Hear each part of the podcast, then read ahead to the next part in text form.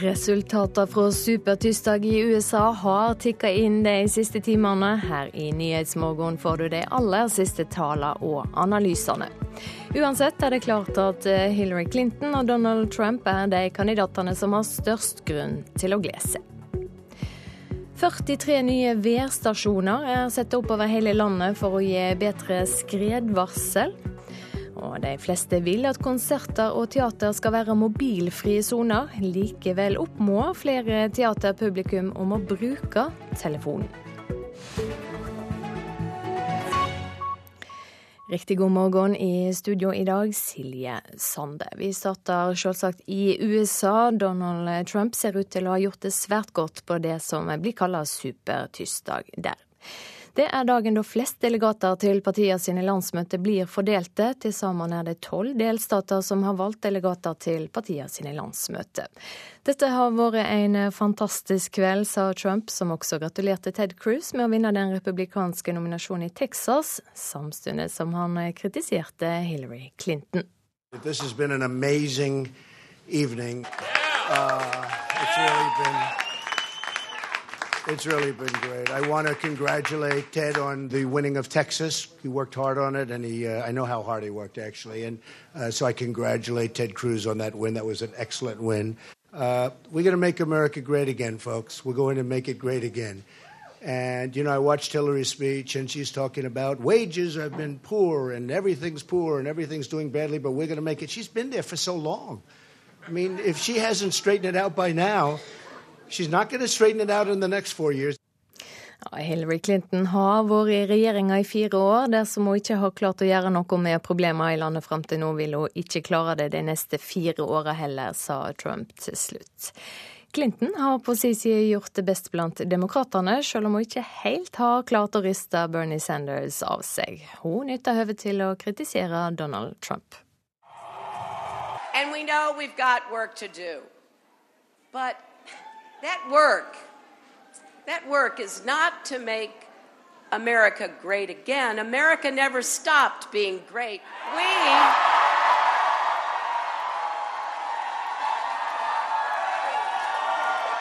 We have to make America whole. We have to fill in. Fill in what's been hollowed out. USA har aldri slutta å være storslått, sa Clinton i en klar referanse til Donald Trump sitt slagord. USA er blitt hullet ut, og vi må fylle disse hullene, sa hun. Dagens nominasjonsvalg fordeler halvparten av de republikanske delegatene som trengs for å bli partiets presidentkandidat på landsmøtet i juli. Blant eh, demokratene er det en tredel av delegatene som blir fordelt i dag. Og korrespondent Anders Tvegård, Donald Trump har vunnet en klar siger i sju delstater eh, der resultatet er klare, men Ted Cruz overrasker med to sigre, og Marco Rubio har vunnet én delstat. Hva følger får dette for kampen mellom de republikanske kandidatene? Ja, Fortsatt så er dette et uh, race mellom uh, fem personer. Fordi uh, Ben Carson og John Kasich har ikke vunnet noe den måneden som nominasjonsvalgene har pågått. Men de er fortsatt i kampen om å bli republikanernes presidentkandidat. Om noen kommer til å trekke seg etter eh, nattas uh, Trump uh, Super-Trump, som det blir kalt her, i stedet for supertirsdag, uh, det er foreløpig uklart. Men det er klart at eliten i det republikanske partiet klør seg i hodet og prøver å finne ut hvordan de kan hindre at Donald Trump blir partiets kandidat. Han er kontroversiell. Målinger tyder på at folk er misfornøyd med den uh, måten han, han, snakker på, og at han ikke kan eh, skikke seg som, som president. Dersom vi ser til det andre partiet, så har Hillary Clinton vunnet vunnet sju delstater, Bernie Sanders fire. Er det overraskende? Uh, nei, uh, Hillary Clinton hun uh, er, har gjort det sterkt i sørstatene. Og Bernie Sanders han konkurrerte ikke der engang. Han var med i bare fem av de elleve delstatene som fordelte delegater for demokratene. det at Bernie Sanders fortsatt er med i løpet, det har han gjort et poeng av sjøl også. At han har mye penger. Grasrota ønsker å ha ham. Bernie Sanders han sier selv at det er 35 delstater som gjenstår, og har ikke planer planer om å gi opp kampen ennå. På demokratisk side så handler det jo også om å samle delegater.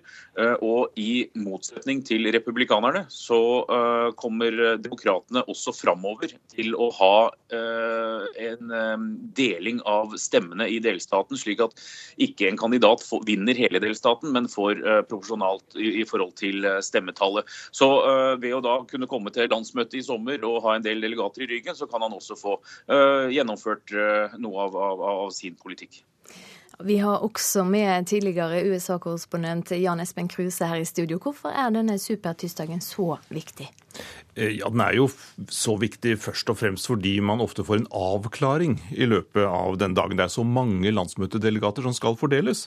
Eh, og helt siden dette begrepet ble innført i 1988, eh, så har altså statistikken vist at 14 13 av 14 som har vunnet sine, som har gjort det best på supertirsdag, de har til slutt blitt sine partiers eh, endelige presidentkandidater.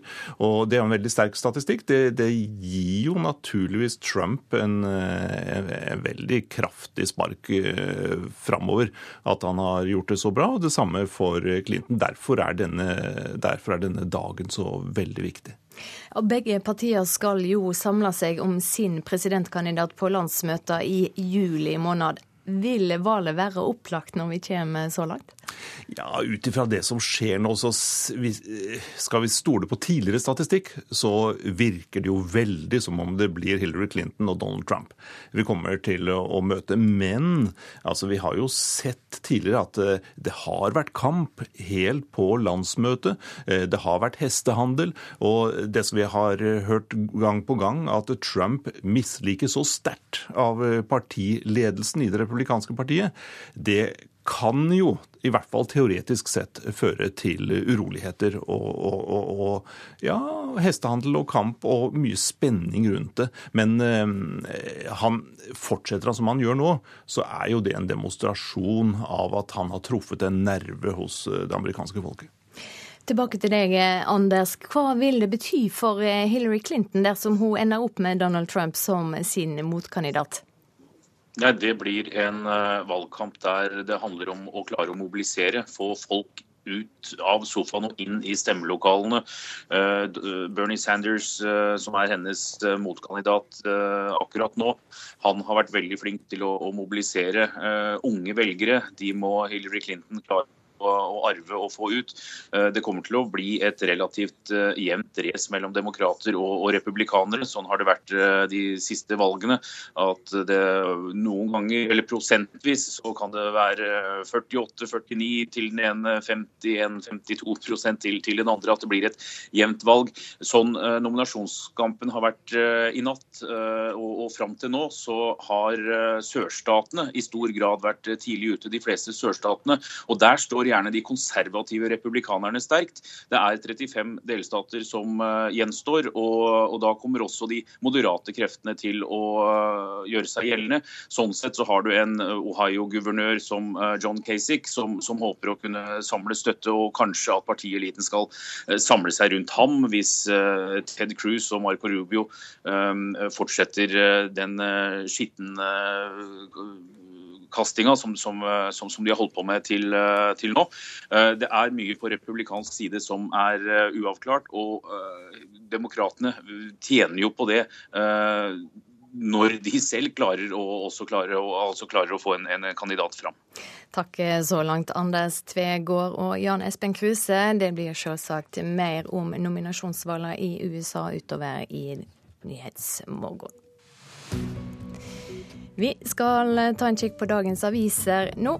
Dagbladet forteller om skumle bivirkninger fra det aviser kaller folkepillene. 520 000 bruker medisin mot høyt kolesterol. Det er 200 000 flere enn for ti år siden. Bivirknadene er underrapporterte, sier farmasøyt Kirsten Myhr til avisa. Utlendingsdirektoratet gjør seg klar for en ny asylstrøm til Norge i 2016, skriver Aftenposten. Denne måneden skal den store kriseplanen være klar. Det er utarbeidet planer både for inngjerda brakkebyer, gigantiske teltleirer og flytende asylmottak. Vold mot barn blir bagatellisert, sier barneombud Anne Lindboe til Vårt Land. Hun reagerer kraftig på det hun kaller relativisering av vold mot barn, og spør oss hvordan vi ville ha reagert dersom det var voksne på en arbeidsplass som ble utsatt for vold. Flere partier reagerer på at jordvern er helt fraværende i forslaget til Nasjonal transportplan. Ingen av transportetatene nevner jordvern i sine planer for samferdselsutviklinga fram mot 2030. Det er oppsiktsvekkende, sier Line Henriette Hjemdal fra KrF. Og KrF-leder Knut Arild Hareide advarer Erna Solberg i Klassekampen. Kristelig Folkeparti er ikke låst til Høyre-samarbeid, sier han til avisa. Dagens Næringsliv skriver om Møller-gruppen sin dieselfest. Bilkonsernet har henta ut over to milliarder kroner i utbytte de siste ti åra. Biler med dieselmotor har utgjort 70% av personbilsalget. Så skal vi ha sport. Johannes Tingnes Bø nekter å ta i bruk en mental trener før VM i skiskyting, slik de andre på det norske landslaget gjør. 22-åringen mener han kan takle både medgang og motgang på egen hånd, trass i at han er usikker på hva han har i vente i Holmenkollen. Hvordan jeg vil oppleve det å gå renn med så mange tilskuere med norske flagg, det, det vet ikke jeg hvordan jeg vil takle. Men i motsetning til lagkameratene har Johannes Tingnes Bø allikevel valgt å droppe bruken av en mental trener. Årsaken er at 22-åringen mener han kan håndtere presset som venter i VM på egen hånd. Ja, jeg har ikke benytta meg det hittil, og det tror jeg nok ikke blir den sesongen her heller. Det norske laget vet at forventningene blant publikum, sponsorer og presse vil være skyhøye på hjemmebane. Derfor har den mentale oppladningen blitt prioritert i forkant. Eh, det har vi jobba veldig mye med. Vi har jobba delvis eh, som gruppe eller lag. Utlandet Utøveren har jobba med sin eh, mentale trener, som i stor grad er Tom Henning Øverbø.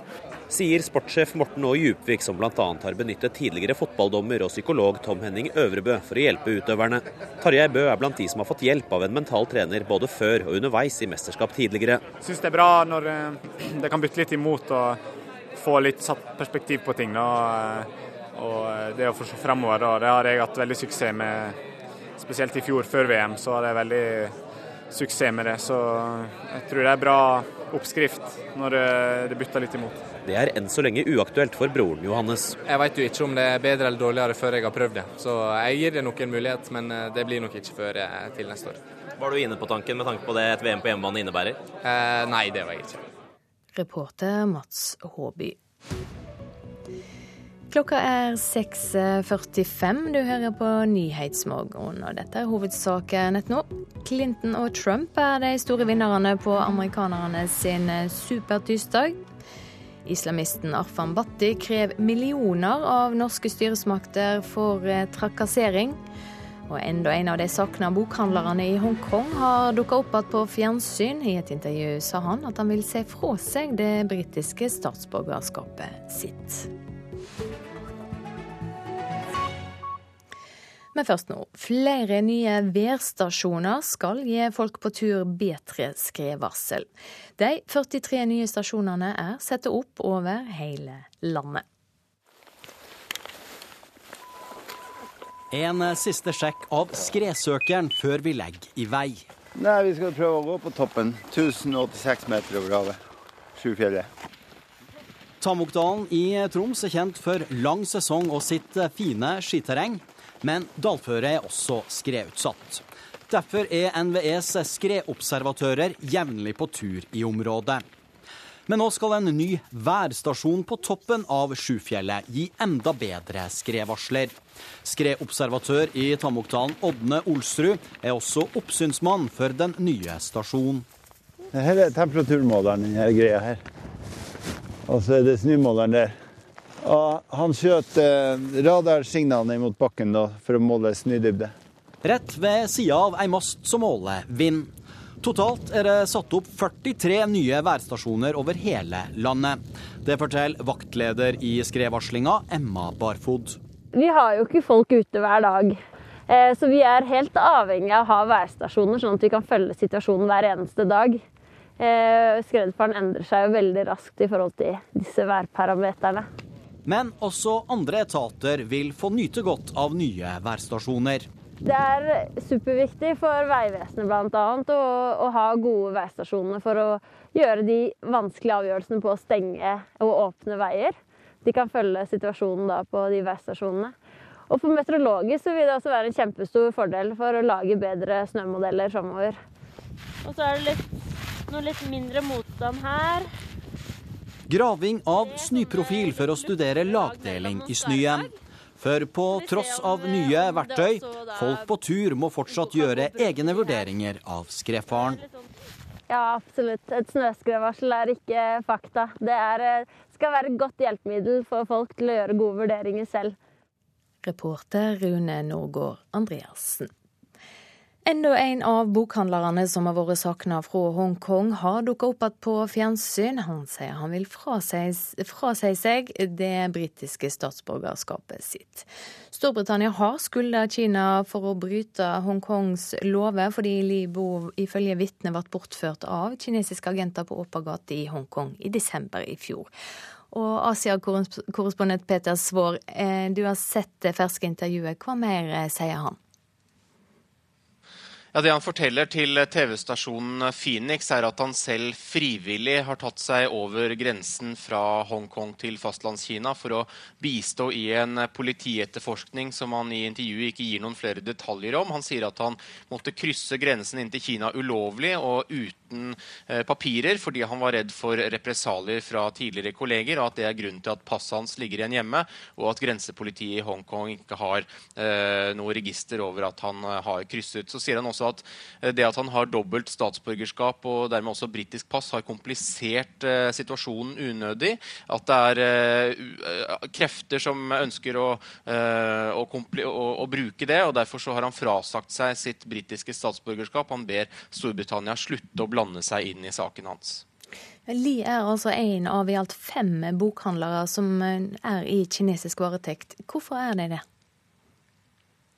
Ja, Denne gruppen hadde forbindelser til et forlag og til en bokhandel i Hongkong som spesialiserte seg på politiske sladrebøker om ledelsen i Kinas eh, kommunistparti. Bøkene var preget av påstander om elskerinner, sexskandaler, intriger, eh, beskrivelser av intern maktkamp i regjeringskvartalet Tsongnanhai her i Beijing. Og Den siste boken denne gruppen skal ha jobbet med å utgi, hadde angivelig tittelen Xi Jinping og hans seks kvinner.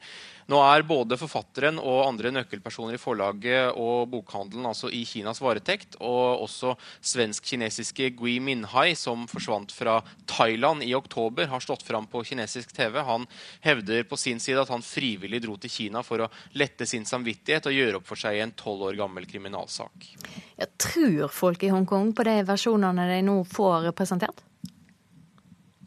Det er nok mange som har svært eh, store vansker med å tro på at en gruppe forleggere som har viet sitt liv til å skrive kritiske bøker om kommunistpartiet, nå i tur og orden nærmest eh, skal ha smuglet seg selv frivillig inn i Kina eh, på bakgrunn av et brennende ønske om å bidra i en etterforskning som kan gi dem selv mange og lange år i kinesisk fengsel. Kinesiske myndigheter sier jo at flere av dem vil bli tiltalt for utpressing. Det har en strafferamme her på ti år. Og saken til Li Bo har også reist spørsmål om hele ordningen med ett land, to systemer, der Hongkong har egen politistyrke og egne lover. og Bl.a. Storbritannia har jo sett hans forsvinning fra åpen gate i Hongkong som et angrep på byens politiske system, som jo eh, man kan hevde ikke er særlig adskilt fra resten av Kina, dersom folk kan bortføres eh, på åpen gate av kinesiske agenter. Takk skal du ha, Asia-korrespondent Peter Svaar. Musikkbransjefestival Bylarm starter i Oslo i dag, og det skal gjennomføres 200 konserter på fire dager. Men det er veldig få rockeband som har søkt om å få spille i år. Programsjef i Bylarm, Joakim Haugland, tror årsaka er at det, at det er så mange som det skyldes, at det er Programsjef i Bylarm, Joakim Haugland, tror årsaka er at det er så mange som lager elektronisk musikk på data. Jeg tror jo det er en tendens i tida. Nå er det veldig mye elektronisk musikk som regjerer over hele verden. Sier Joakim Haugland, som er programsjef i musikkbransjefestivalen Bylarm, som starter i Oslo i dag. Bylarm har fått inn mer enn 1200 søknader fra artister som vil spille, men veldig få fra rockeband med tradisjonelle instrumenter som trommer, bass og gitar. Sånn blir det, tror Haugland, når det har blitt så lett å lage musikk på data. Det blir jo bare enklere og enklere å spille inn musikk hjemme, og at det lyder veldig bra. Skal du spille inn et band, det krever jo ganske mye. Du må jo ha øvingsrom, du må i studio, masse utstyr, og det må mikses. Det er kostbart. Er det synd? Ja, jeg syns det. Absolutt. Nå syns jeg det er veldig mye elektronisk musikk. Nå syns jeg det er litt lite mangfold, for å være ærlig, og mangfoldet vil man jo ha.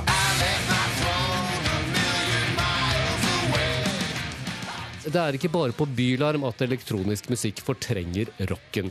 I januar skrev New York Times at det ikke fantes noen rockeplate blant de ti mest solgte albumene i fjor. Og på NRK P3 sine spillelister er det i skrivende stund bare fire av 44 sanger som er rock. Musikkanmelder i Tromsø, Helge Skog, syns det er trist at rocken taper terreng.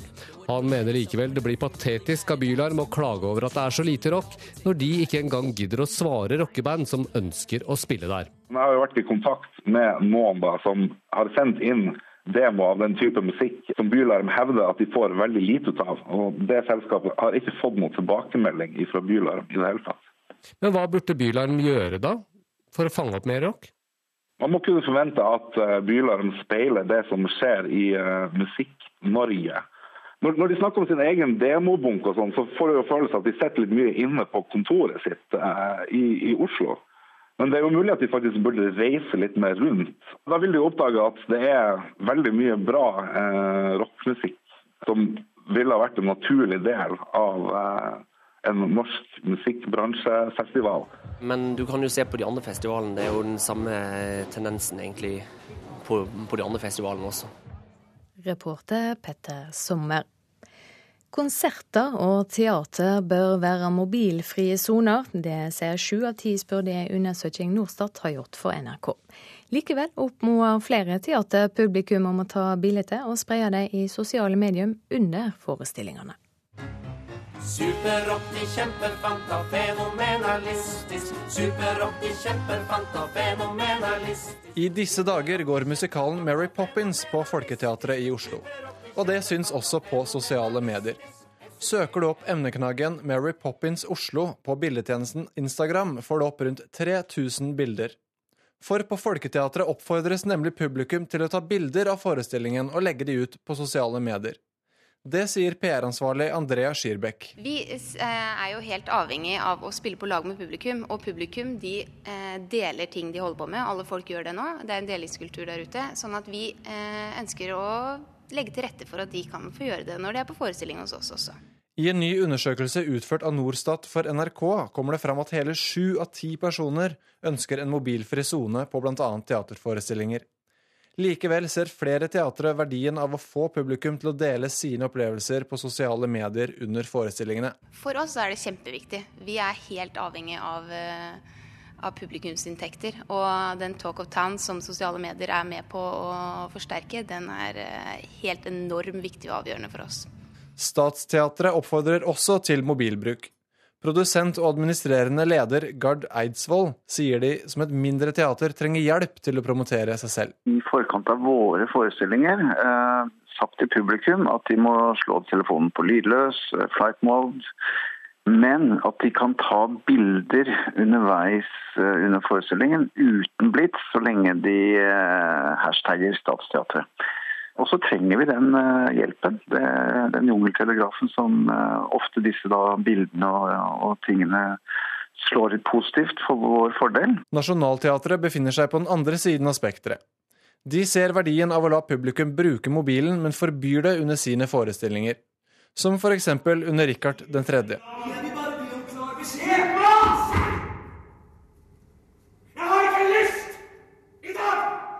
mobil er et fantastisk verktøy, og vi er utrolig glad for at veldig mange av vårt publikum deler masse opplevelser de har hatt med, hos oss med, med sine venner på sosiale medier f.eks. Men vi har satt et forbud mot å bruke mobil inne i selve teaterrommet under forestillingen. Og dette er jo fordi det da er med på å ødelegge opplevelsen. Reporter Magnus Lutnes Aas. Så et værvarsel som gjelder fram til midnatt. Fjellet i Sør-Norge sørøstlig sterk kuling, utover dagen minkende til bris. I kveld østlig, frisk bris utsatte steder. Snø, lite eller ikke noe nedbør i nordlige fjellområder. Østlandet og Telemark sørøstlig bris som dreier nordøstlig. Frisk bris utsatte steder, på kysten opp i liten kuling. Snø, sludd eller regn på kysten, mest nedbør i sørlige områder. Agder opp til liten kuling på kysten. Snø, sludd eller regn på kysten. Fra utpå ettermiddagen nordøstlig bris. Frisk bris på kysten øst for Oksøy. Etter hvert avtagende nedbør. Vestlandet sør for Stad minking til sørøstlig frisk bris. Sludd eller snø av og til, til dels regn i låglandet i ytre strøk. Etter hvert stort sett opphold i nord. I kveld lettere vær også i sør. Møre og Romsdal får stort sett oppholdsvær. Trøndelag sørøstlig liten og periodevis stiv kuling utsatte steder. Det kan bli litt snø i grensetraktene, ellers opphold. Nordland og Troms sørøstlig stiv kuling utsatte steder, stort sett, stort sett oppholdsvær. Finnmark sørlig liten kuling, periodevis sterk kuling i utsatte fjordstrøk. Stort sett oppholdsvær, lokalt snøfokk og Nordensjøland på Spitsbergen. Der blir det sørøstlig sterk kuling utsatte steder. Snø og snøfokk. Når det gjelder temperaturene, så er det venta at det blir litt varmere på Spitsbergen. Litt kaldere i Nordland og Troms. Ellers i landet blir det omtrent uendra temperaturer.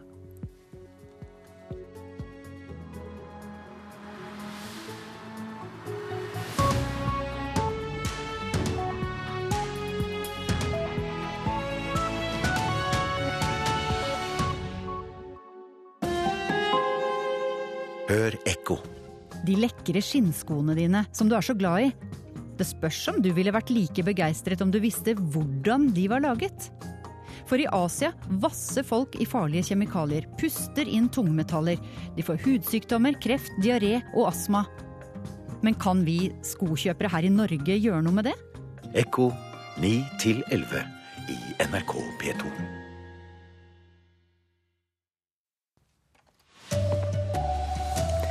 Det ble en super tirsdag for Hillary Clinton og Donald Trump. Og lærerstudenter lærer for lite om vold og overgrep mot barn. Her er NRK Dagsnytt klokken sju ved Marit Selmer Nedrelid.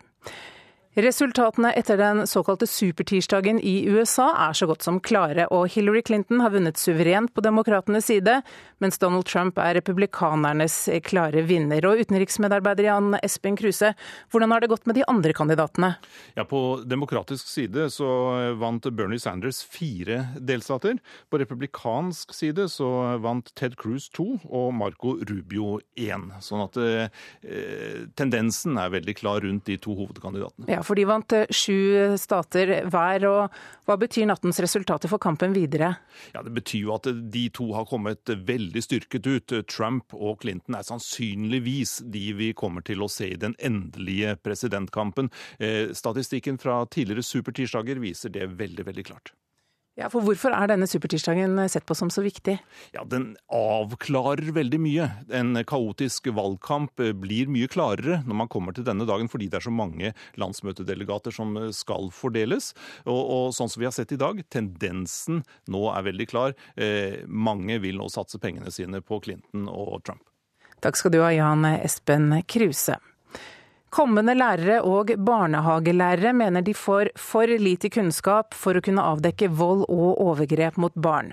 Det viser en ny undersøkelse fra Nasjonalt kunnskapssenter om vold og traumatisk stress.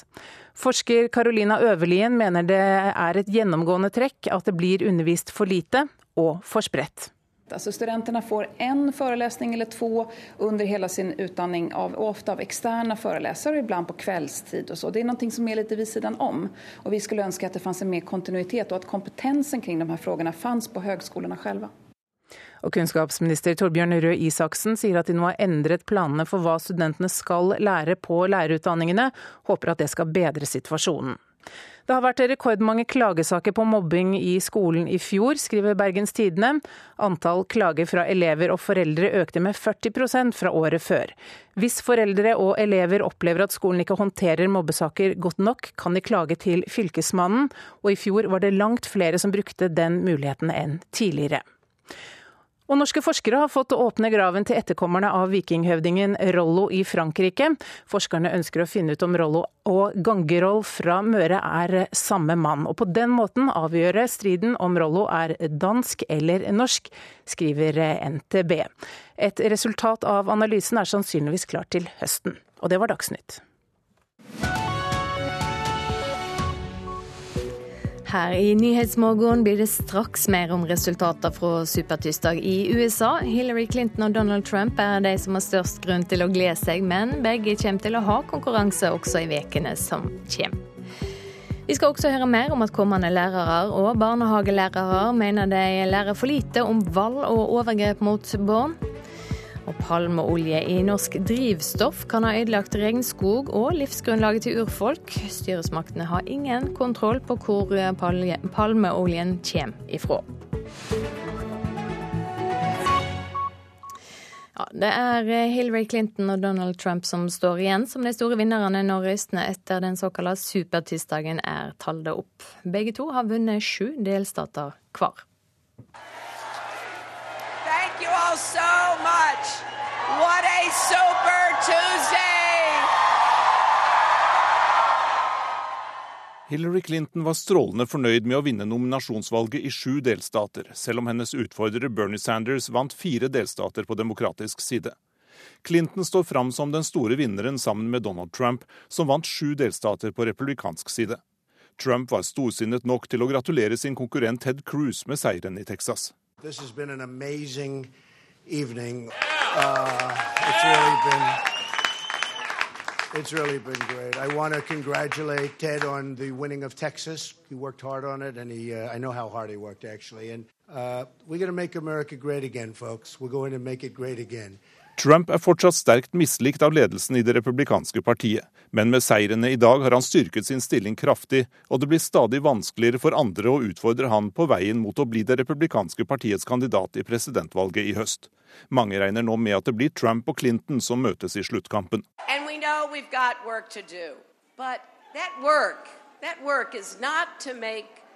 America great again. America never stopped being great. We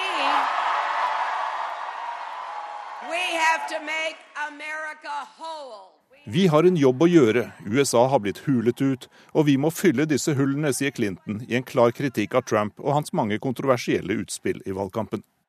Det sa utenriksmedarbeider Jan Espen Kruse. Og dagens nominasjonsvalg i USA fordeler halvparten av de republikanske delegatene som trengs for å bli presidentkandidat på landsmøtet i juli. Blant demokratene er det en tredel av delegatene som blir fordelt i dag. Og korrespondent Anders Tvegård, du er med fra Boston, Massachusetts. Trump og Clinton har begge styrka sine sjanser i natt. Hvordan er reaksjonene i USA på det? Dette er et valgresultat eh, som har blitt eh, spådd eh, tidligere. Og på republikansk side så lurer de på nå hva de skal gjøre videre. Fordi det er flere kandidater der som eliten og gjerne skulle samle seg rundt. Og nattas resultater har ikke gitt noe nærmere svar på det. Bortsett fra at Donald Trump ser ut til å bli kronet som republikanernes presidentkandidat. Eh, og det da gjerne mot eh, partielitens eh, vilje. Så på demokratenes side så har Hillary Clinton tatt sju delstater. Bernie Sanders har tatt fire, eller flertall i, fire i, i, natt. Sanders han konkurrerte ikke i særlig grad i sørstatene, der Hillary Clinton vant. men hun har vist at hun har klart å få minoriteter i ryggen, som latinos og svarte. Jeg var på en valgvake her i Boston uh, i, i, natt og møtte der USAs tidligere ambassadør til Norge, Barry White. Uh, han sa det om uh, Clintons seier. Very important in a state like this. It's a very liberal, progressive state where uh, Senator Sanders was expected to do quite well, and I think the Clinton campaign put on, we put on a great campaign, and uh, was, looks like she's been successful in Massachusetts. It's also very interesting that at the same time if Secretary Clinton wins, Donald Trump carried Massachusetts, which is, as my son said to me, who's a lawyer, said, I'm not sure I want to go back to Massachusetts if Trump actually wins the nomination on the Republican side here. Ja, Anders, eh, Det hvordan han sier her, Ja. Det, det han sier her er altså at sønnen eh, hans har sagt at han trolig ikke vil flytte tilbake til Massachusetts dersom Trump eh, vinner nominasjonen. Noe han da gjorde i natt her i Massachusetts. Så uh, vant Clinton uh, og for, for demokratene og, Trump for republikanerne. Uh, og for Hillary Clintons del så har dette vært en, en viktig seier også i Massachusetts, fordi dette har blitt sett på som Bernie Sanders' nabolag og, og hans territorium. Hvor stort er engasjementet i USA blant folk flest eh, rundt denne supertirsdagen? Det er jo ikke alle amerikanere som engang er klar over at det har vært valg. Frivillige som jeg har snakket med her i Boston, som har gått og banket på dører, sier at flere folk har blitt eh, overrasket. og eh, også da takknemlige for at eh, noen har fortalt dem at de kan gå og stemme på partiets eh, kandidat. Samtidig så er dette her eh, et eh, valg som heller ikke har mobilisert de helt største eh, flatene. Bernie Sanders han har vært dyktig til å få eh, unge til å bli, eller vise entusiasme.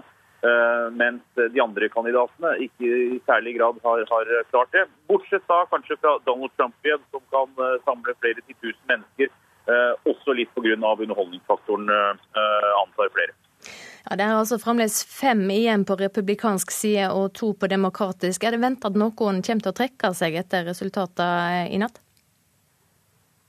Det er eh, det som eh, de mange kommentatorer her går og eh, venter på og tror at noen må, bør komme seg ut av racet for at man skal klare å samle seg rundt gjøre dette her til f.eks. et valg mellom to kandidater på republikansk side. Når det gjelder eh, på demokratenes side, så har Bernie Sanders gjort det klart at det er 35 delstater igjen. Han har tenkt til å fortsette kampen eh, mot Hillary Clinton, selv om veien til Det hvite hus for hans del, eh, og også da med antall delegater, ser heller mørk. Takk så langt, korrespondent Anders Tvegård. Vi skal videre til Hilde Restad. Du har forska på amerikansk politikk og arbeider som førsteamanuensis ved Bjørknes eh, høgskole. Var dette et resultat som venta?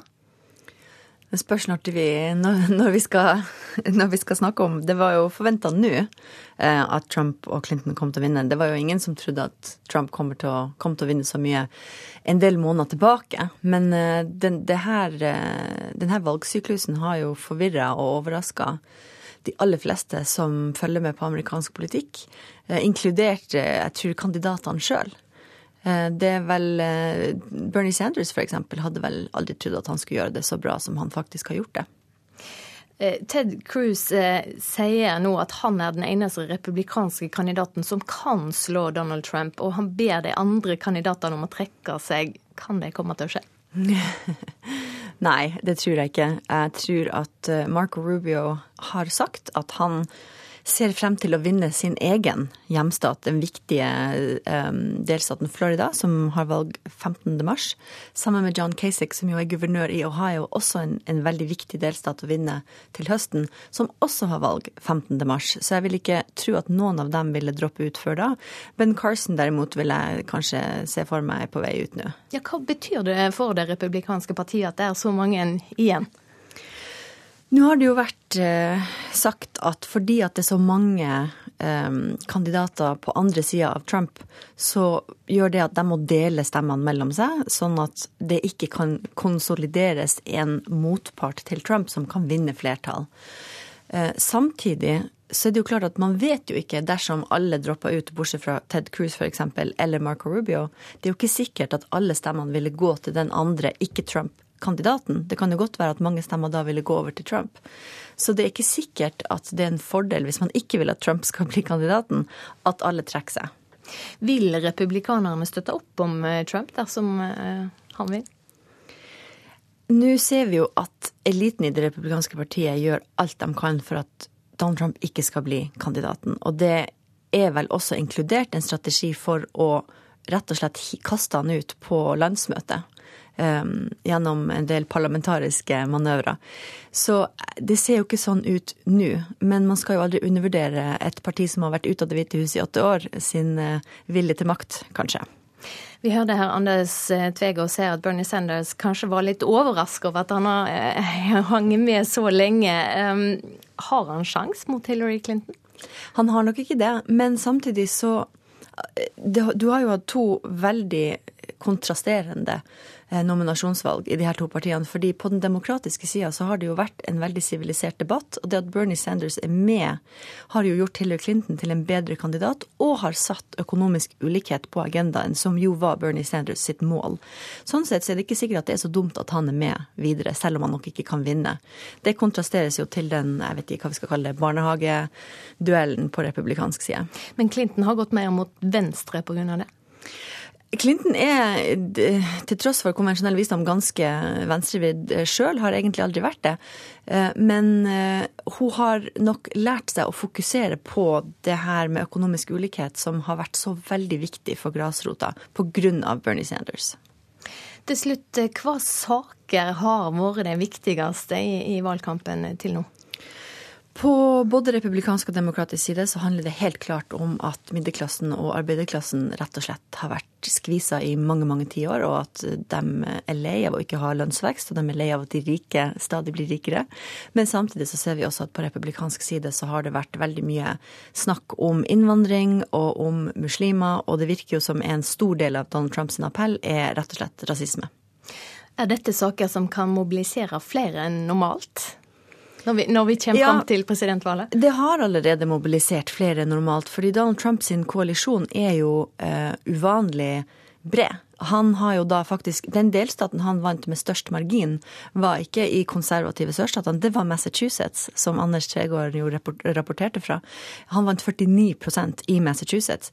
De som sier at de stemmer på Donald Trump, er ikke bare konservative, det er også moderate velgere. Og helt sikkert en del eh, demokrater som eh, stemmer i åpne nominasjonsvalg. Så han har altså tiltrukket seg veldig mange forskjellige velgergrupper. Takk for at du kom i studio, Hilde Restad. Klokka er straks 7.15. Som vi hørte, Hillary Clinton og Donald Trump er de store vinnerne på amerikanerne sine supertyster. Palmeolje i norsk drivstoff kan ha ødelagt regnskog og livsgrunnlaget til urfolk. Styresmaktene har null kontroll på hvor palmeoljene kommer fra. Og om litt skal vi høre at omvendt undervisning er på full fart inn i norske skoler.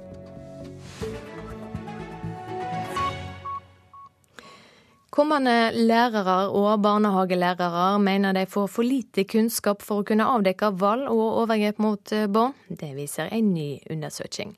Og student eh, Frank Alexander Brein kjenner seg godt igjen. Vi har hatt et uh, kurs, men det har vært veldig sånn på overflaten og ikke berørt egentlig det vi kanskje føler at vi trenger i yrkeslivet. da. Og han er ikke den eneste. I en ny undersøkelse svarer et flertall av studentene at de ikke opplever at de har fått tilstrekkelig kunnskap, sier forsker Carolina Øverlien fra Nasjonalt kunnskapssenter om vold og traumatisk stress. Den resultaten av vår studie bekrefter de her studentenes bild at de får for lite utbildning om de her temaområdene. Og det kan dessverre lede til at voldsutsatte barn ikke får den hjelp som de har rett til og behov av. Hun sier studentene trenger å kunne nok til å se at barn kan være utsatt for overgrep, og vite hva de skal gjøre med det. Se om det er noe barn som kanskje får ille hjemme. Og så bør vi kunnskap for å kunne handle. Hvordan går vi videre med den uroen eller de mistankene vi har? Eh, så handlingskompetens i det her er helt sentralt. Lærerstudentene er de som kommer aller dårligst ut i undersøkelsen, men situasjonen er noe bedre på barnehagelærerstudiet. Men Øverlien mener det er et gjennomgående trekk at det blir undervist for lite og for spredt. Altså, studentene får én forelesning eller to under hele sin utdanning, av, ofte av eksterne forelesere, iblant på kveldstid. og så. Det er noe som er litt ved siden om. Og vi skulle ønske at det fantes mer kontinuitet, og at kompetensen kring de her spørsmålene fantes på høgskolene selv. Barnehagelærerstudent Yngvild Brønner har gått på forelesninger ved siden av studiet for å lære seg mer. Hvis ikke frykter hun at det skal gå utover barna. Når vi kommer ut utdannet og vi ikke tør å ta opp vanskelige ting med foreldre, når vi ikke tør å melde til barnevern fordi vi ikke kjenner til barnevernet så godt, Hvis ikke vi kan ta de samtalene, både med foreldre og med barnevern, så vil jo barna bli skadelidende. Da vil ingen melde. Og kunnskapsminister Torbjørn Røe Isaksen sier rammeplanene for lærerutdanningene nå er endra. Han håper det skal bedre situasjonen. Reportere Erin Årdal og Tom Ingebrigtsen. Palmeoljeprodukt i norske biler kan komme fra de aller verste palmeplantasjene i verden. Styresmaktene har ikke kontroll på hvor palmeoljen kommer ifra, og det blir ikke stilt krav til bærekraft. Det stadfester seksjonsleder i Miljødirektoratet, Siri Sorteberg. For avfall så må man ikke eh, dokumentere akkurat den eksakte geografiske opprinnelsen for hvor det avfallet har oppstått. I fjor kom den finske oljegiganten Neste til Miljødirektoratet og ba om å få importere palmeoljeproduktet PFAD. Neste ba om at PFAD ble klassifisert som et avfall. Altså Neste Oil, som selger dette stoffet og nesten har monopol på det, kom til dere og ba om at det ble klassifisert som avfall. Det er riktig. Er den aktøren som har til hensikt å innføre det, eh, omsette det i Norge, som eh, skal ta kontakt. Og det var det som skjedde i denne saken. Ingen andre selskaper, ingen andre organisasjoner ble konferert før dere besluttet dette? Nei, Det er ikke lagt opp til at dette er et, uh, en ting som man skal sende på høring. Det er vel lov å tenke sjøl? Og det har vi gjort. Vi har, en, uh, vi har noen føringer da, for hvordan vi skal tenke sjøl her. Og de ligger i direktivet og i vår egen veiledning. Og vi mener at uh, den vurderingen vi har gjort nå på underlag av det vi har fått av opplysninger, er riktig. Som igjen stammer fra den ene aktøren som ønsker å selge dette stoffet? Det er riktig, og det er helt vanlig i den type saker. Vi behandler ganske mange sånne henvendelser og søknader. Og det vil alltid være den som Som har all, ja, men som har all interesse av at dere klassifiserer det som avfall? Det er alltid sånn, og da vil det være viktig at det er troverdig dokumentasjon som legges fram. Men konsekvensen er altså at palmeoljeprodukter slipper helt unna alle krav til bærekraft. Man vet rett og slett ikke hvor det kommer fra. Kan drivstoff med palmeoljeprodukter, PFAD, komme fra en helt nystartet plantasje som har fordrevet urfolk? Vi har ingen garanti for at ikke det kunne skje. Hadde miljøbyråkratene løftet av røret og sjekket med Transportøkonomisk institutt og forsker Christian Weber, hadde de fått dette svaret. Det er ikke et avfallsprodukt, det er et produkt, et biprodukt i palmeoljeproduksjon som allerede i dag har en stor markedsverdi. Så Miljødirektoratet har klassifisert PFAD feil? Etter min oppfatning eh, må man dessverre si at eh, det er feil klassifisert, ja. Men Miljødirektoratet hørte ikke på noen andre enn seg selv og Neste. Så nå leverer Neste mesteparten av det palmeoljeproduktet norske bilister har på tanken. Fordi Stortinget i fjor enstemmig vedtok klimatiltaket mer biodrivstoff i bensin og diesel. Uten å sjekke hva biodrivstoffet inneholder. Reporter her, Fredrik Solvang. Med meg i studio nå er Lars Løvold, daglig leder i Regnskogfondet. Stortinget tok altså en avgjørelse uten å kontrollere hva biodrivstoffet inneholdt. Ble det ført bak lyset? Det å gå inn for biodrivstoff er i seg selv både nødvendig og positivt. Men vi må jo sørge for at det biodrivstoffet faktisk er mer miljøvennlig enn vanlig fossilt drivstoff. Og dette produktet vi nå snakker om, denne ingrediensen PFAD fra palmeoljeproduksjonen i Sørøst-Asia, det er ikke et miljøvennlig produkt. Det skaper økt etterspørsel etter nettopp produkter fra palmeoljedriften i Sørøst-Asia, og det bør snarest fases ut.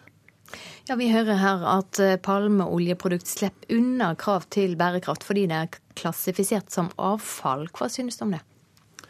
Regnskogfondet mener at det Miljødirektoratet her har gjort, er feil. og Vi har også allerede sammen med organisasjonen Zero skrevet til direktoratet og bedt dem klassifisere dette som et biprodukt fra palmeoljeproduksjonen, slik at dette produktet ikke får uforholdsmessig gunstig posisjon i markedet. Nettopp det å klassifisere det som et restprodukt eller som et avfallsprodukt gjør at det framstår som miljøvennlig og gunstig på en måte som det absolutt ikke er. Så vi mener at direktoratet umiddelbart bør omgjøre sin klassifisering. Dette er et produkt med mange anvendelsesområder som kommer fra den veldig miljøskadelige og regnskogsødeleggelsene palmeoljeproduksjonen i Sørøst-Asia. Men de fleste tenker vel at biodrivstoff er en positiv endring for miljøet? Og det tenker også Regnskogfondet. Vi må snarest komme bort fra bruken av fossile drivstoff. Og Det betyr at det å få fornybare produkter på tanken, eller å legge om til ja, elektriske biler osv., er, er helt nødvendig. Men myndighetene må jo passe på at når vi gjør dette, så får vi en miljøgevinst. Eh, det er på ingen måte gitt at vi får en miljøgevinst. Tvert imot når vi bruker eh, produkter fra palmeoljeproduksjonen i dagens situasjon. Hvorfor er det så viktig å vite hvor eh, palmeoljen kommer ifra? På en måte så kommer altså All palmeolje kommer fra Indonesia og Malaysia. og Sånn sett er det ikke så ekstremt viktig å vite hvor det kommer fra. Det som er viktig, er at i dagens situasjon så bør vi rett og slett ikke bruke palmeoljeprodukter på tanken. Fordi det er ingen måte å sørge for at eh, man kan tilfredsstille en voksende etterspørsel til en diger bilpark fra eh, palmeoljeproduksjon på en bærekraftig måte. Så det viktige er faktisk å ikke etterspørre palmeolje i dagens situasjon, slik at man ikke får økt produksjon i Sørøst-Asia. Takk for at du kom i studio, Lars Løvold fra Regnskogfondet. Vi skal ta en kikk på dagens aviser. Dagbladet forteller om skumle bivirkninger fra det aviser kaller folkepillene. 520 000 av oss bruker medisin mot høyt kolesterol. Bivirkningene er underrapporterte, sier farmasøyt Kirsten Myhr til avisa. Utlendingsdirektoratet gjør seg klar for en ny asylstrøm til Norge i 2016, skriver Aftenposten. Denne måneden skal den store kriseplanen være klar. Det er utarbeidet planer både for inngjerda brakkebyer, gigantiske teltleirer og flytende asylmottak. Vold mot barn blir bagatellisert, sier barneombud Anne Lindboe til Vårt Land. Hun reagerer kraftig på det hun kaller re relativisering av vold mot barn, og spør oss hvordan vi ville ha reagert dersom det var voksne på en arbeidsplass som ble utsatt for vold. Flere partier reagerer på at jordvern er helt fraværende i forslaget til Nasjonal transportplan. Ingen av transportetatene nevner jordvern i planene sine for samferdselsutviklinga utviklinga fram mot 2030. Det er oppsiktsvekkende, sier Line Henriette Hjemdal fra KrF. Og KrF-leder Knut Arild Hareide advarer Erna Solberg i Klassekampen. Kristelig Folkeparti er ikke låst til Høyre-samarbeid, sier han til avisa. Dagens Næringsliv skriver om Møller-gruppen sin dieselfest. Bilkonsernet har henta ut over to milliarder kroner i utbytte de siste ti åra. Biler med dieselmotor har utgjort 70% av personbilsalget. Den svenske politikeren Ali Esbati kjenner igjen den rasistiske bølga fra 1990-tallet. Men det vi ser i dag er mye verre, fordi fremmedfiendtligheten kommer fra samfunnstoppene, sier han til Dagsavisen. VG forteller om hvordan Donald Trump blir som president i USA. Mange har sett på det som urealistisk, men stadig flere snakker nå om at den 69 år gamle republikaneren faktisk kan gå hele veien til Det hvite hus. Avisa har snakka med flere eksperter om hvordan det faktisk vil bli. 40 år etter Deep Sea Driller-ulykka er flere av de overlevende tilbake på Feie. Oljeriggen gikk på grunn i en orkan, og seks av arbeidskameratene deres omkom. Det skriver BA i dag.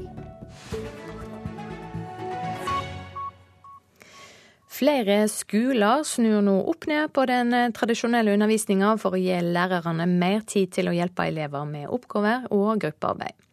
På Hvaler ungdomsskole i Østfold har de droppa karakterer, lekser og kladdebøker. Resultatene blir bedre og bedre. Her da, så er det en video om eh, grunnleggende konstruksjoner på eh, matematikksiden eh, på fagsida. Og så trykker jeg bare på den videoen, så ser du liksom hvordan man gjør grunnleggende konstruksjoner, f.eks. Adam Olsen viser hvordan han forbereder seg til timen ved å se på en video på skolen. Han har nemlig ikke lekser hjemme. Å, det er så deilig.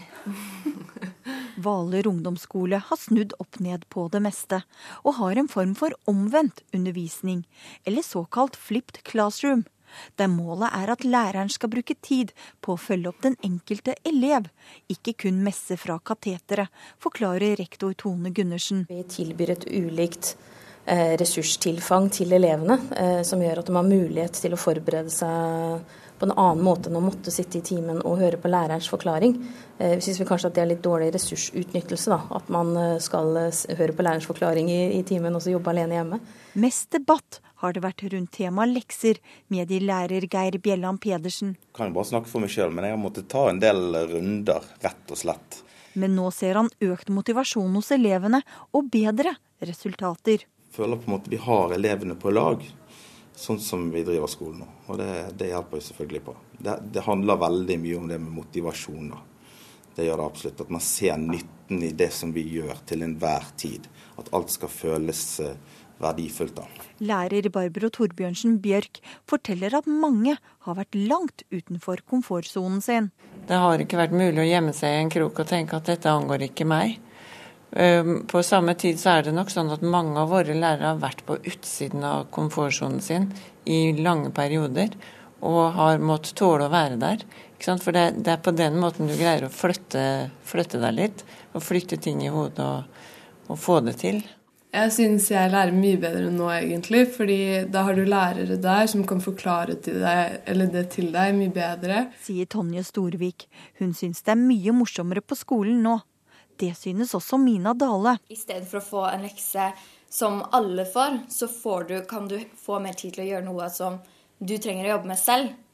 Og du får også hjelp fra lærere i de timene hvor vi kan jobbe med det vi trenger mest. Mens grupper fra andre skoler over hele landet valfarter til Hvaler for å lære, er også omvendt undervisning på full fart inn i lærerutdanningen.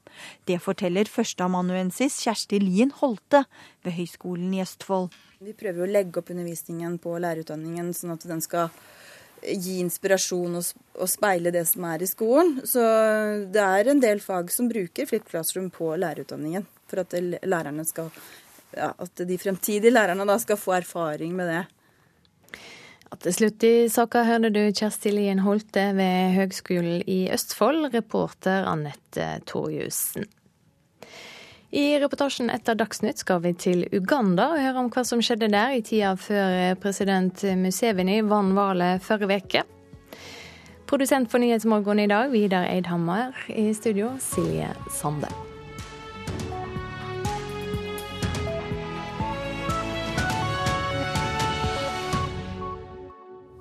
Kulturhuset i NRK P2. Hun er verdens yngste magasinredaktør og har laget et av verdens beste alternative motemagasiner, ifølge en fersk kåring. Møt 15 år gamle Elise Bye Olsen i Kulturhuset i dag klokka 13. Kulturhuset i NRK P2.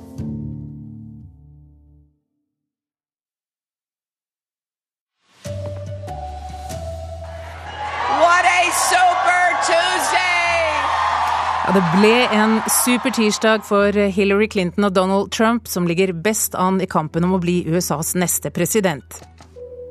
Arfan Bhatti krever millionerstatning fra staten for trakassering. Og lærerstudenter lærer nesten ingenting om vold og overgrep mot barn. Her er NRK Dagsnytt klokken 7.30 ved Marit Selmer Nedrelid. Det er altså Hillary Clinton og Donald Trump som ikke uventet står igjen som de store vinnerne når stemmene etter den såkalte supertirsdagen er talt opp. Begge kandidatene har vunnet i sju delstater hver. Thank you all so much. What a super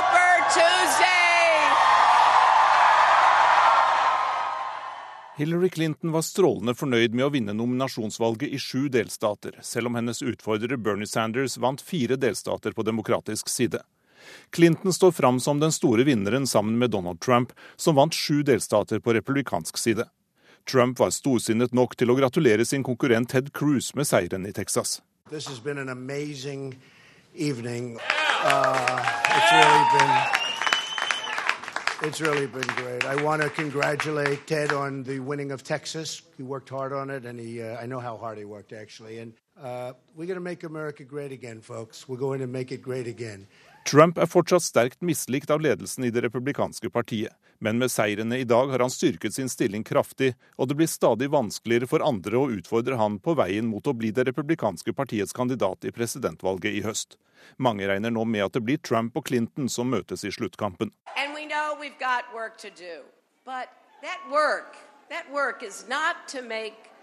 America great again. America never stopped being great. We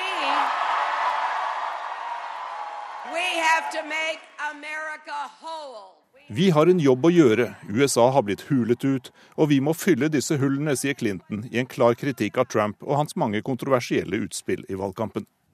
Og det fortalte reporter Jan Espen Kruse. USA-korrespondent Tove Bjørgaas, du er med oss fra Austin i Texas. Og I Texas ble det som ventet seier til Ted Cruz på republikansk side. Betyr det at han fremdeles henger med? Han sier at han fremdeles henger med, men det er mye som tyder på at han vil slite i de neste delstatene der det er valg. Denne gangen så var det mange sørstater der han har gjort det bra. Det er Donald Trump som er den klare, klare vinneren. Og det er utrolig mye som skal til for at noen skal klare å stanse ham nå. Ja, Hva med de andre kandidatene også da på demokratisk side?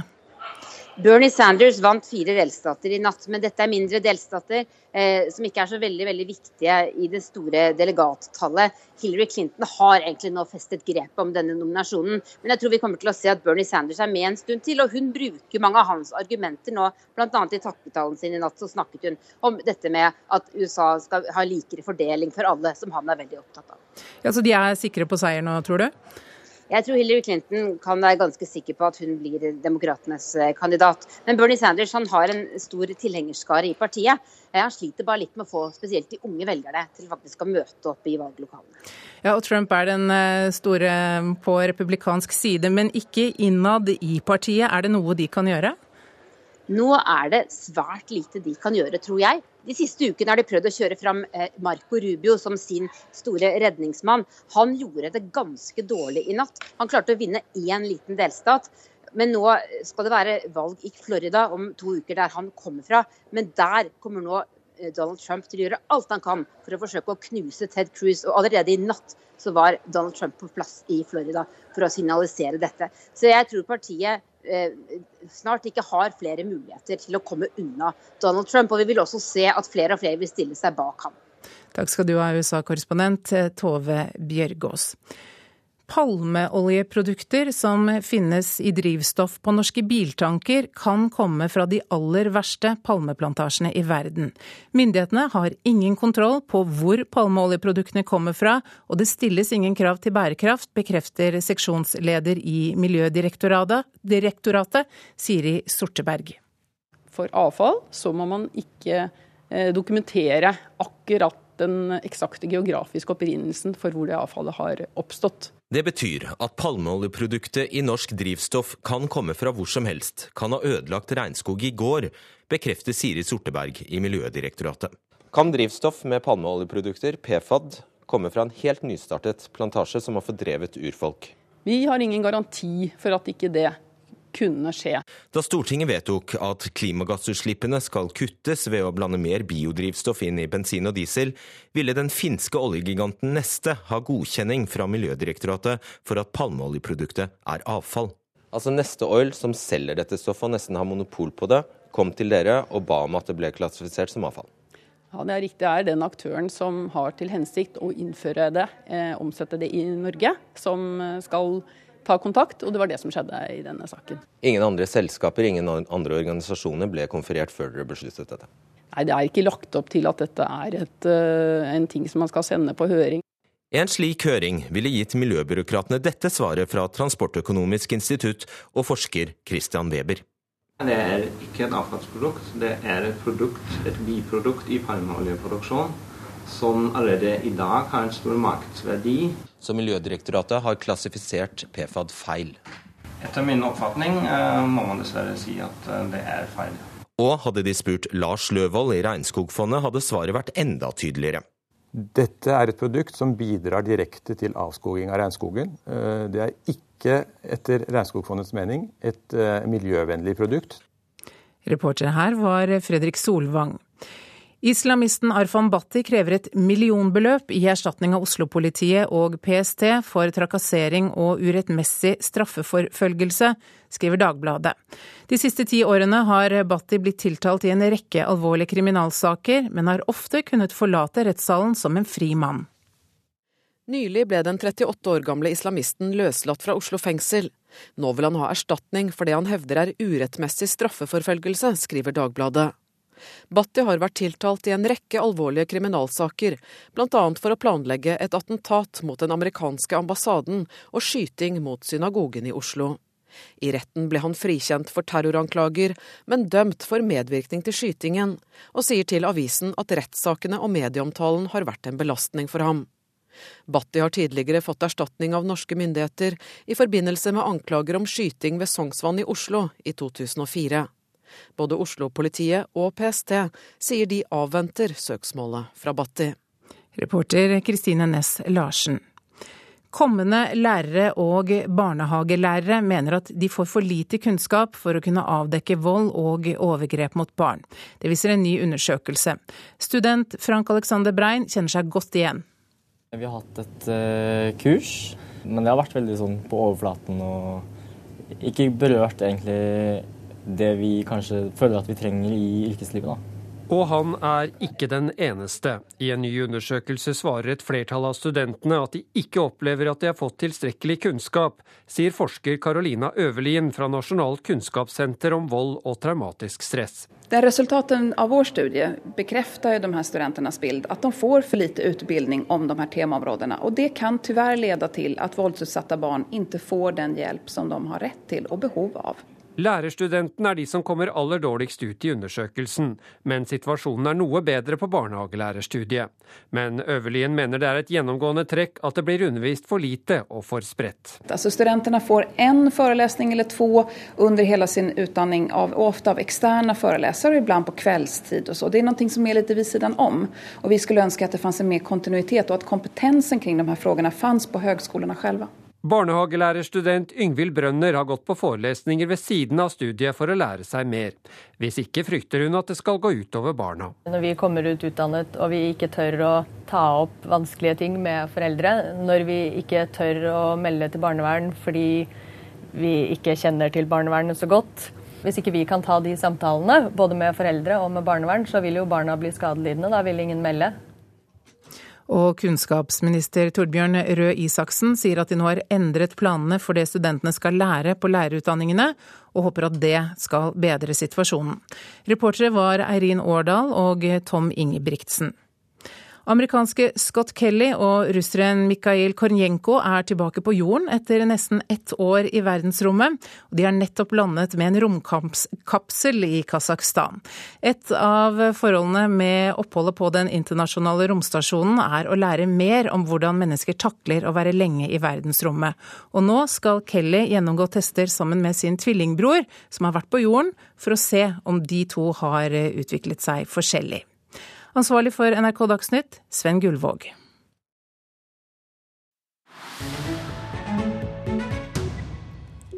Her i Nyhetsmorgen skal vi til Uganda nå. President Joveri Museveni vant valget der forrige uke, og som vanlig tapte Kissa Besigi.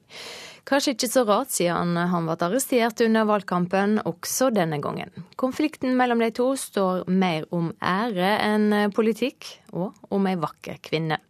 Tom Kristiansen har historien om to geriljasoldater og æra deres. På 80-tallet var Museveni og Besigye begge i bushen som geriljasoldater. Besigye var lege og hadde militær utdanning. Han kunne både drepe og lappe sammen de overlevende. Han ble Musevenis livlege. Det var en tredje kriger i geriljaledelsen, en kunstmaler med militær utdanning, Elli Tumvine. Det var godt Besseger var der da kunstmaleren ble truffet i øyet og måtte opereres under et tre. Geriljaen var ledet av disse tre, Museveni, legen og maleren. Men det var én til, Vinni Byanyima. Hennes familie hadde i sin tid betalt Musevenis utdanning. Ja, han bodde hos dem en tid og lekte med Vinni etter skolen. Nå var datteren i huset blitt voksen, utdannet som Ugandas eneste kvinnelige flyingeniør, og til slutt geriljasoldat. Da Milton Obotes pilleråtne regime gikk i oppløsning, kom Museveni ut av bushen. I 1986 ble han president og tok geriljalederne med seg. Dr. Besigye, 29 år, ble innenriksminister. Kunstmaler Ellie Tumvine ble general, og Vinni ble elskerinne. Museveni var gift og søkte Den katolske kirke om skilsmisse, men ble avvist. Kona var tidligere flyvertinne, men han ville heller ha flyingeniøren. Da oppdaget president Museveni at Vinni hadde en annen. Hans egen innenriksminister og livlege. Hun var kjæreste med Kissa Besigye. Han straffet Vinni med å få henne ut av landet som ambassadør i Paris. Besigye var blitt hans nære rådgiver, men ble sendt ut av byen og gitt en jobb i hæren. På denne tida hadde Musevni lykkes i politikken. Han innlemmet alle etniske grupper, forbød stammepartier ved å innføre nullpartidemokratiet. Han fikk orden på økonomien og var populær i utlandet. Men det vokste en opposisjon, og midt i den sto Kissa Besseji. Der sto også Vinni, som Kissa nå hadde giftet seg med. Det ble en voldsom valgkamp i 2001 med grove anklager og brutal vold. Besigye ble satt i forvaring, men Vinni fortsatte valgkampen og kastet ut beskyldninger mot sin tidligere lekekamerat og elsker, landets president. Det politiske miljøet var forgiftet. Besigye rømte landet og dro til USA. Imens sa folk til hverandre på kafeene det er Vinni vi burde stemt på, ikke disse mannfolka. Den vakre Vinni med det kloke hodet. Det er hun som skaper begeistring. Etter hvert kjenner hele landet til den store hemmeligheten at hun var elskerinna til Museveni, men ble erobret av Besigye. Det har gitt den siste en del stemmer, men ingen snakker høyt om det alle vet. Og Vinni vet at alle vet. Derfor ordlegger hun seg tvetydig. Hun snakker om these two men, tankestrek. Jeg vet hvem av dem jeg foretrekker, han som er sterkest, utholdende. Og, og folk ler, det er så frekt. Imens gjør Musevni seg klar til neste presidentinnsettelse. Han vet med seg selv at han igjen har vunnet hele kongeriket, men ikke prinsessa. I USA er det Hillary Clinton og Donald Trump som har gjort det klart best i de mange nominasjonsvalgene i løpet av eh, supertirsdag. Islamisten Afan Bhatti hevder han er urettmessig straffeforfølgd. Nå saksøker han eh, både politiets tryggingstjeneste og politiet i Oslo. Kommende lærere og barnehagelærere mener de lærer for lite om vold og overgrep mot eh, barn palmeolje i norsk drivstoff kan ha ødelagt regnskog og livsgrunnlaget til urfolk. Styresmaktene har ingen kontroll på hvor palmeoljen kommer ifra. Og 43 nye værstasjoner er satt opp over hele landet for å gi bedre skredvarsel. Nå er det klart for Politisk kvarter. Programleder der er Bjørn Myklebust.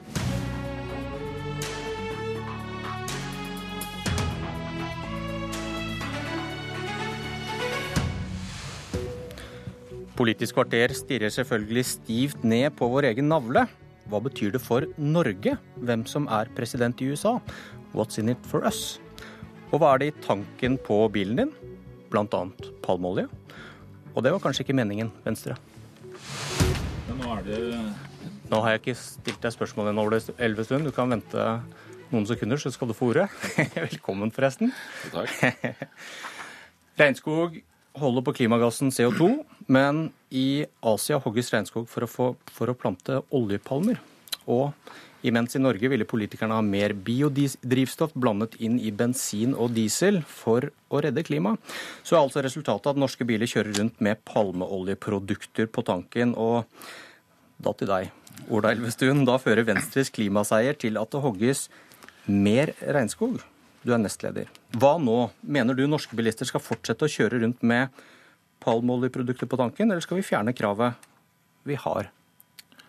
Vi skal fortsette å satse på biodrivstoff, og vi skal beholde det kravet som vi har.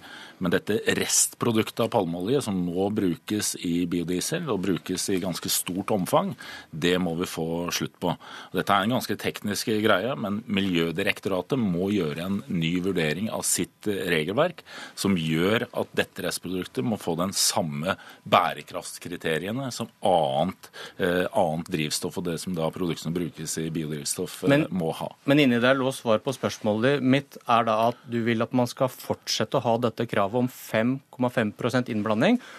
Og det betyr at vi, du vil at vi skal fortsette å kjøre på dette palmeoljeproduktet inntil videre? det er at vi skal fortsette å ha biodrivstoff som et klimatiltak, fordi vi må redusere eh, klimautslippene også for å ivareta regnskogen. Men vi må justere regelverket sånn at dette restproduktet tas bort fra biodrivstoff. Det som nå må gjøres, er at Miljødirektoratet må gjøre en ny vurdering av dette. Gjøre det samme som eh, de gjør i Storbritannia, hvor dette er definert annerledes, hvor du må ha bærekraftskriterier også på dette restproduktet. Men hvis kravet skal opprettholdes, hvor lenge er det greit at vi kjører rundt på disse palmeoljeproduktene? Fordi må- dette må jo fases ut, da? eller? Dette må settes i gang med en gang. Miljødirektoratet må gjøre sitt arbeid nå med en gang. Eh, Og så må vi få et nytt regelverk på plass. Og så må vi få opp også produksjonen av alternativt biodrivstoff. Men til clou, da. Bensinstasjonskjedene og andre sier at vi får ikke tak i biodrivstoff uten palmeoljeprodukter. Det er også det vi, Når vi får opp etterspørselen, så må vi også få i gang mer produksjon av bærekraftig biodrivstoff. Hva er det alternativet?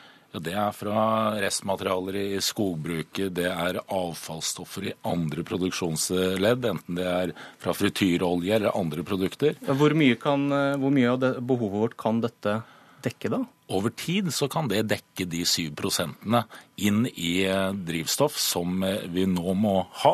Og så skal vi også fram mot 2030 skal vi redusere forbruket av bensin og diesel med 50% Det er det som nå, nå kom i den nasjonale transportplan, anbefalingen fra fagmiljøene. Men er det da vi greit ha at vi i fem år framover kjører på disse biproduktene av eh, palmeolje? som vi Nei, jeg ser i vil anbefale folk som skal ha biodrivstoff, for at de etterspør også i dag biodrivstoff som ikke har... Ja, men dette er det dere politikere som styrer. og Når du sier at vi skal opprettholde kravet om 5,5% vi skal opp til 7 Venstre vil til og med innen 2020 ha 10% innblanding av biodrivstoff. Og så sier da proffene på markedet det finnes ikke noe alternativ. Det er mange år fram i tid, er det vi har fått høre. Nå er det 7% som er eh, vedtaket, eh, og det handler om å få denne endringen så raskt som mulig eh, fra Miljødirektoratets side, som får omdefinert dette restproduktet, for det er snakk om, fra da å være det til å være et biprodukt. Og du må ha de samme bærekraftskriteriene også for dette produktet og den som skal brukes i, i åra framover. Men det er umulig å si når din drøm kan gå oppfyllelse. At dette er rent biodrivstoff. Det kan være to år, Når fem du, år, ti når, år. du, når du stiller krav, så vil du også få fram en endring. Og vi har erfaring med at endring kan komme raskere enn det man har forutsatt. Eh, Vi fikk jo en stopp i utviklingen av biodrivstoff i Norge i 2008, når man jo når man fjernet, eller man innførte avgifter igjen på det som var eh, biodrivstoff. Eh, Nå har vi et, eh, en politikk som gjør at du får fram igjen mer biodrivstoff, men vi må sørge for at den er bærekraftig. Her er det en feil ved den klassifiseringen som Miljødirektoratet har gitt, og den må de endre på. Ok, Holger Slapitz i Naturvernforbundet. Han sier at vi må bytte ut eh, det biodrivstoffet vi, vi bruker i dag. Hvor realistisk er det? Med altså- noe som er bærekraftig. Ja, altså Det finnes, som Elvestuen er inne på, ulike eh, avfallsressurser også i Norge som kan utnyttes til biodrivstoff. og Det er vi helt enige om at det må tas i bruk. Det gjelder f.eks. matavfall eh, både fra husholdninger og i eh, næringslivet.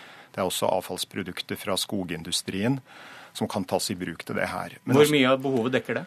Altså, Det kan dekke kanskje 5-10% noe i den størrelsesorden der. Og, Nesten ingenting, altså.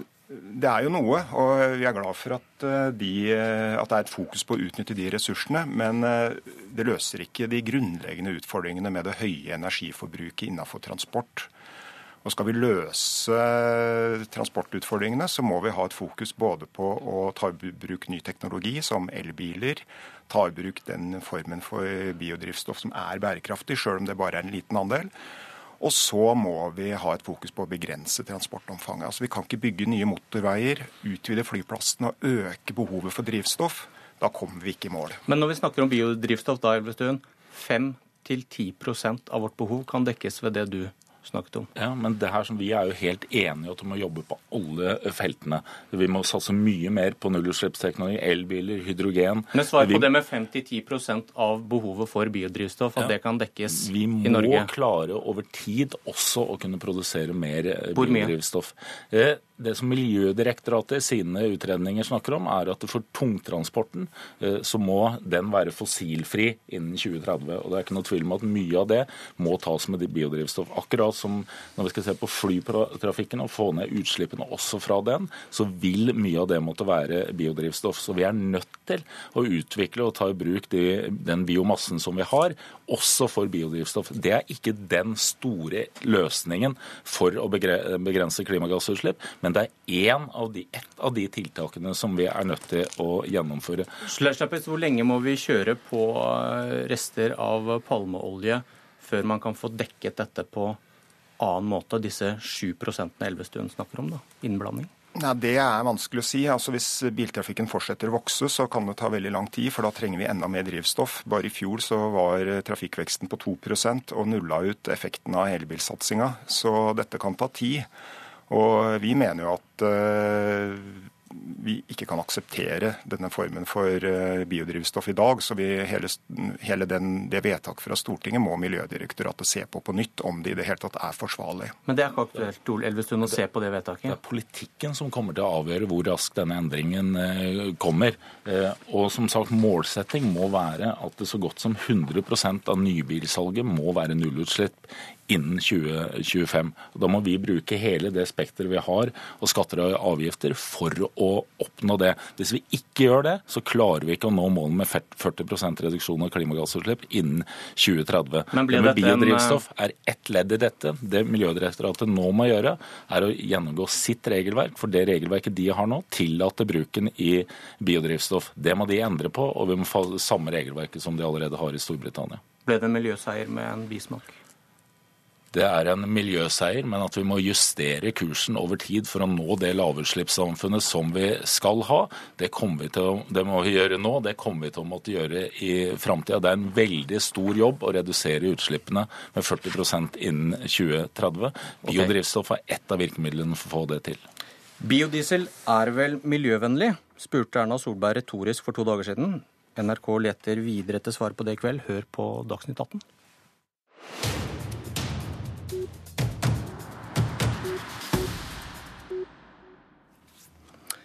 Inn kommer Henrik Asheim fra Høyre og Snorre Valen fra SV for å snakke om USA. Eller egentlig om Norge.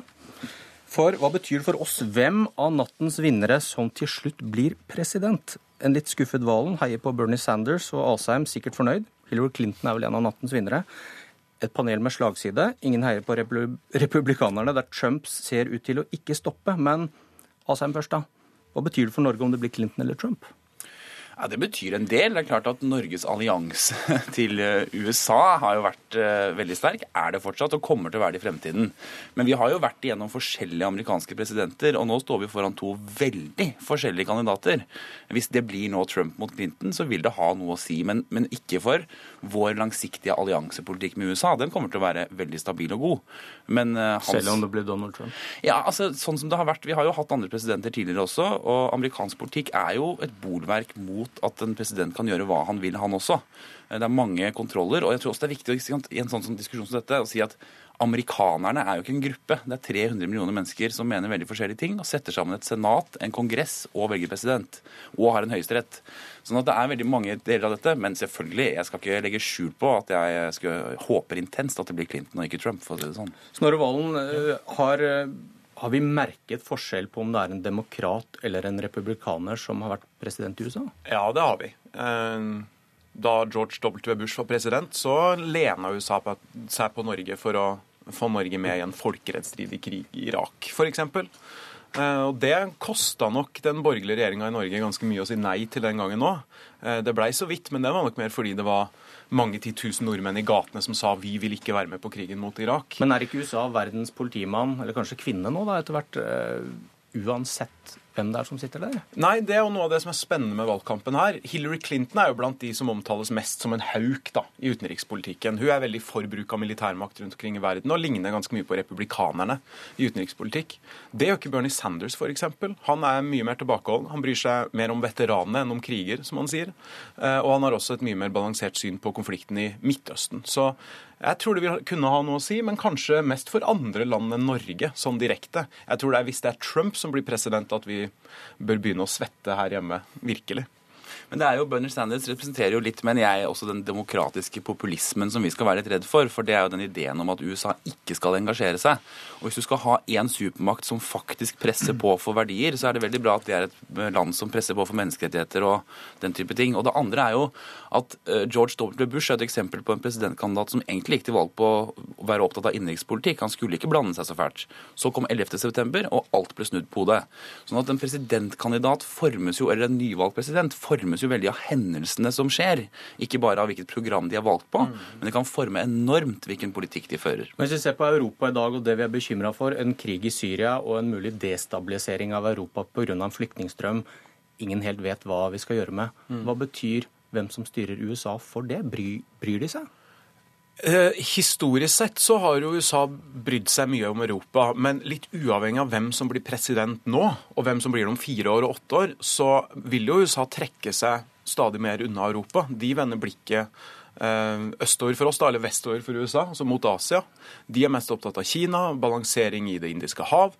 Eh, det er det som kommer til å forme amerikansk global utenrikspolitikk i åra som kommer. Eh, og det sa jo Obama ganske tydelig rett ut tidlig i sin presidentperiode, eh, at nå må Europa være forberedt på å ta mer ansvar for seg sjøl. Vi kommer ikke til å bry oss like mye om Europa i framtida.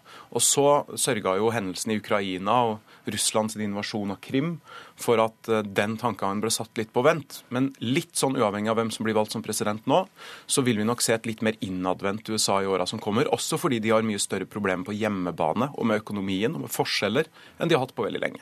Men det er jo, hvis man skal da være litt egoist som europeer, men jeg er veldig problematisk. fordi hvis du så hva som skjedde på Krim, så så du også hvor viktig det er å ha et tungt USA som kan gå inn og slå i bordet. Og Det samme gjelder da i Syria. Det er derfor jeg mener at Hillary Clinton vil være en ganske god kandidat også mellom de to demokratiske kandidatene. Fordi hun er, har vært utenriksminister, hun har den erfaringen, og hun er åpen for å bruke også USAs rolle internasjonalt på en helt annen måte. Det vil være viktig ikke bare for Norge, men for verden.